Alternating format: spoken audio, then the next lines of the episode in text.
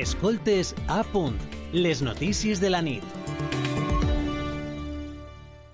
Aprofitant el cas de Ferrovial, que està alçant bastant polseguera, com poden comprovar, ens hem preguntat quina és la fiscalitat al sí de la Unió Europea i per a intentar conèixer la situació tenim comunicació amb Noelia Hernández Sánchez. Ella és economista especialitzada en innovació i gestió de projectes internacionals, consultora i avaluadora de programes europeus d'innovació i competitivitat per a la Comissió Europea. També consultora en projectes del Banc Mundial Mundial, BIT, BAST i Nacions Unides, entre d'altres. Bona nit, Noelia. Buenas noches. De segur que molta gent, quan es va assabentar de la decisió de Ferrovial de canviar la seva seu a Països Baixos, va pensar, com està posant eh, eh, públicament eh, en entredit el, el govern espanyol va pensar que ho feia per a pagar menys impostos. De fet, és el que, com diem, lamenta el govern espanyol. Per això voldríem saber actualment quina és la situació fiscal a la Unió Europea on sembla ser que la fiscalitat directa és competència exclusiva dels estats membres i, per tant, entenem que no existeix una harmonització fiscal. És així? Eh, sí, efectivamente no hay una armonización fiscal. Eh, lo que pasa es que sí que es cierto que eh, el tipo medio eh, en la Unión Europea ahora mismo es de un 21,7% y en la zona euro de aproximadamente un 23%, con lo cual España está por encima porque nuestro tipo medio es un 25, nuestro tipo de, de sociedades es un 25%. Eh, y España es de los países que tiene un tipo de sociedades más alto, eh, pero no existe tampoco muchísima eh, variabilidad entre los tipos de, de sociedades que se aplican. Sí tenemos todavía países, por ejemplo, como Irlanda, que sigue aplicando un 12,5, a pesar de que la OCDE eh, acordó de que, que hace uno, un par de años que el tipo mínimo del impuesto de sociedades se situaría en un 15% y todavía no lo han subido. Eh, y luego tenemos territorios como Malta, que serían casi un, paraíso fiscal. Eh, pero el resto de tipos de la Unión Europea tampoco eh, están muy alejados del, ya digo, la media es un 21%. Es verdad que España está por encima. Uh.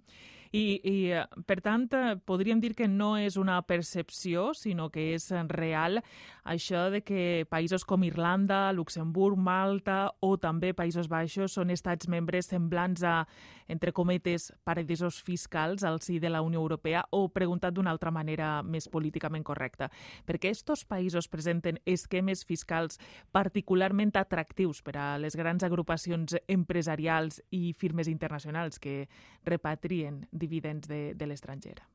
A ver, eh, es verdad que Irlanda tiene un tipo de sociedad, un tipo eh, de sociedades de un 12 y medio, pero Luxemburgo tiene un tipo de un 24,9 uh -huh. y Países Bajos eh, lo que tiene es un tramo progresivo en el impuesto de sociedades, a diferencia, por ejemplo, de España.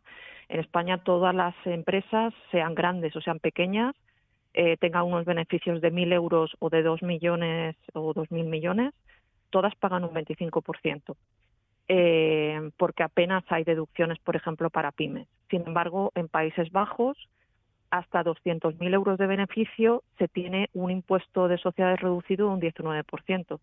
Y para eh, beneficios superiores a 200.000 euros se paga un 25,8, más que en España.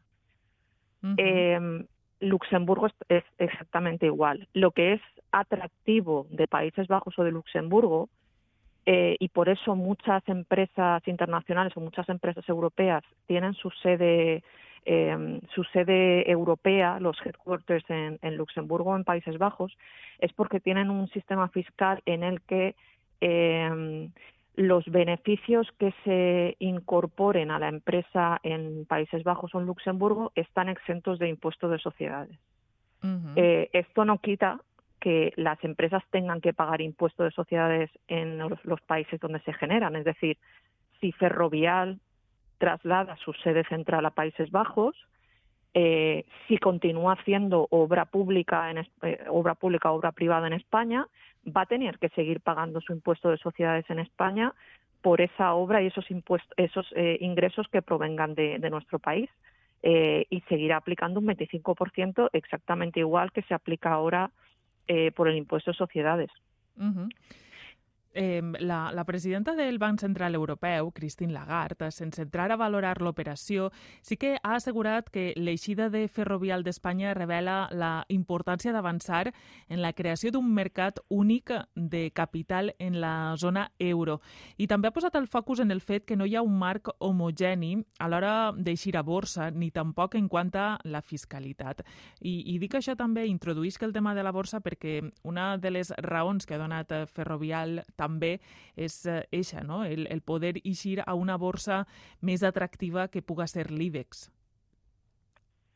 Claro, es verdad, eh, sí que es cierto que hay eh, eh, mercados financieros que son más atractivos para conseguir capital que el IBEX, por ejemplo Estados Unidos, que es donde se quiere uh -huh. donde se quiere ir y donde las medidas para conseguir inversión, eh, para la fiscalidad que se aplica a los inversores es más atractiva que en España, eh, incluso en Europa. O sea, por ejemplo, el, eh, el, los tipos impositivos que se aplican a los dividendos de los inversores en España son un 19%, mientras que hay muchos países de la Unión Europea que no tienen eh, retención sobre eh, los dividendos que se le pagan a los inversores y luego su tipo impositivo eh, está entre un 10 y un 15%, con lo cual ahí ya también tenemos un diferencial entre cómo se aplica la imposición en España a, a los inversores que quieren aplicar eh, sus fondos a una empresa eh, y cómo se hace en otros países. En Estados Unidos también hay un esquema que favorece eh, la inversión de, eh, en capital en, en empresas. Entonces, por eso ese esquema también es más fácil. Sí que es cierto que en un entorno como la Unión Europea, donde hay libre movilidad de capital y la gente puede mover su dinero donde quiera, porque el, todo el territorio es único, eh, debería haber eh, una, eh, una imposición más homogénea para ese capital y esos dividendos que se obtienen.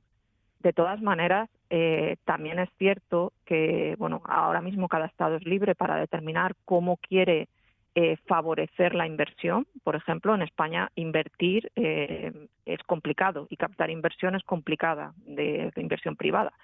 Eh, y hay otros países que determinan disminuir la imposición precisamente para que el mercado privado de financiación sea más atractivo para los inversores.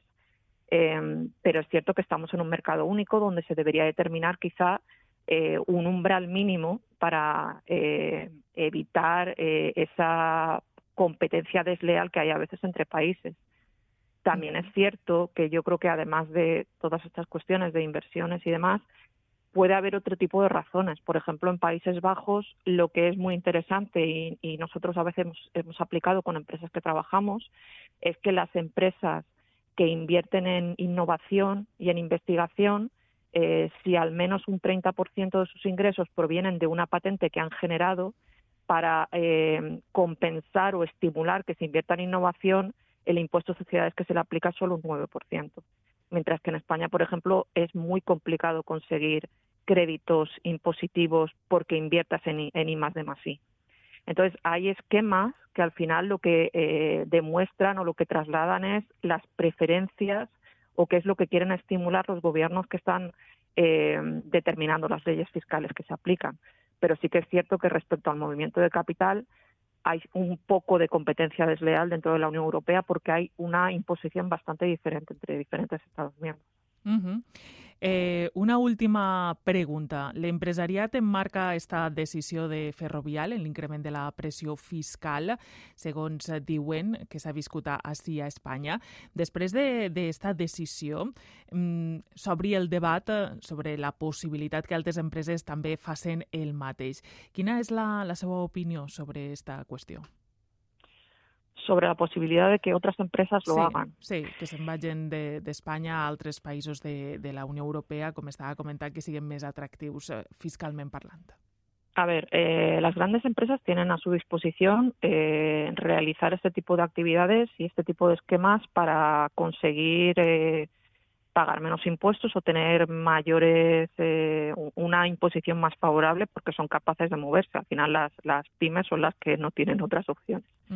eh, es cierto que toda esta corriente de la OCDE respecto a establecer un tipo de imposición mínima se refería, vino sobre todo motivada por las empresas tecnológicas, que son mucho más complicadas para eh, perseguir que tengan una tributación eh, justa y que paguen impuestos allí donde se generan los ingresos. Con otro tipo de estructuras, pues por ejemplo empresas constructoras, como he dicho, eh, tienen que pagar impuestos donde generan los ingresos, porque son eh, estructuras ligadas a activos eh, inmuebles o activos que no se pueden mover, que permanecen en el sitio donde se crean. Y la imposición se fija en ese país donde se, se genera el activo. Aquí creo que es más complicado eh, reducir, o sea, es más complicado. Pueden reducir obviamente su factura impositiva, pero es más complicado trabajarnos como las tecnológicas o como empresas de servicios que pueden, que cuyo mayor fuente de ingresos son intangibles, son patentes o son royalties.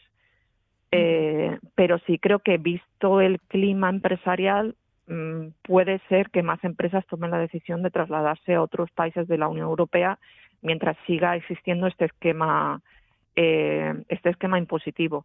Pero ya digo, por ejemplo, Países Bajos ha subido su tipo impositivo en los últimos dos años. O sea que yo creo que la tendencia también es un poco a equiparar los diferentes esquemas, uh -huh. pero mientras este tipo de empresas pueden aprovechar las oportunidades de ubicarse en un mercado o en otro porque tienen a su disposición eh, unas possibilitats que otras empreses no tienen. Doncs uh, moltíssimes gràcies, això ho veurem. Eh, suposem que en un futur no massa llunyà, si hi ha més moviments o no, però moltes gràcies per haver-nos eh, explicat la situació de la fiscalitat europea, que, com hem dit al principi, no està harmonitzada i sempre ve bé no? saber eh, on ens manegem. Moltes gràcies, Noelia Hernández Sánchez, economista especialitzada en innovació i gestió de projectes empresarials internacionals. Adeu, bona nit. Hasta luego.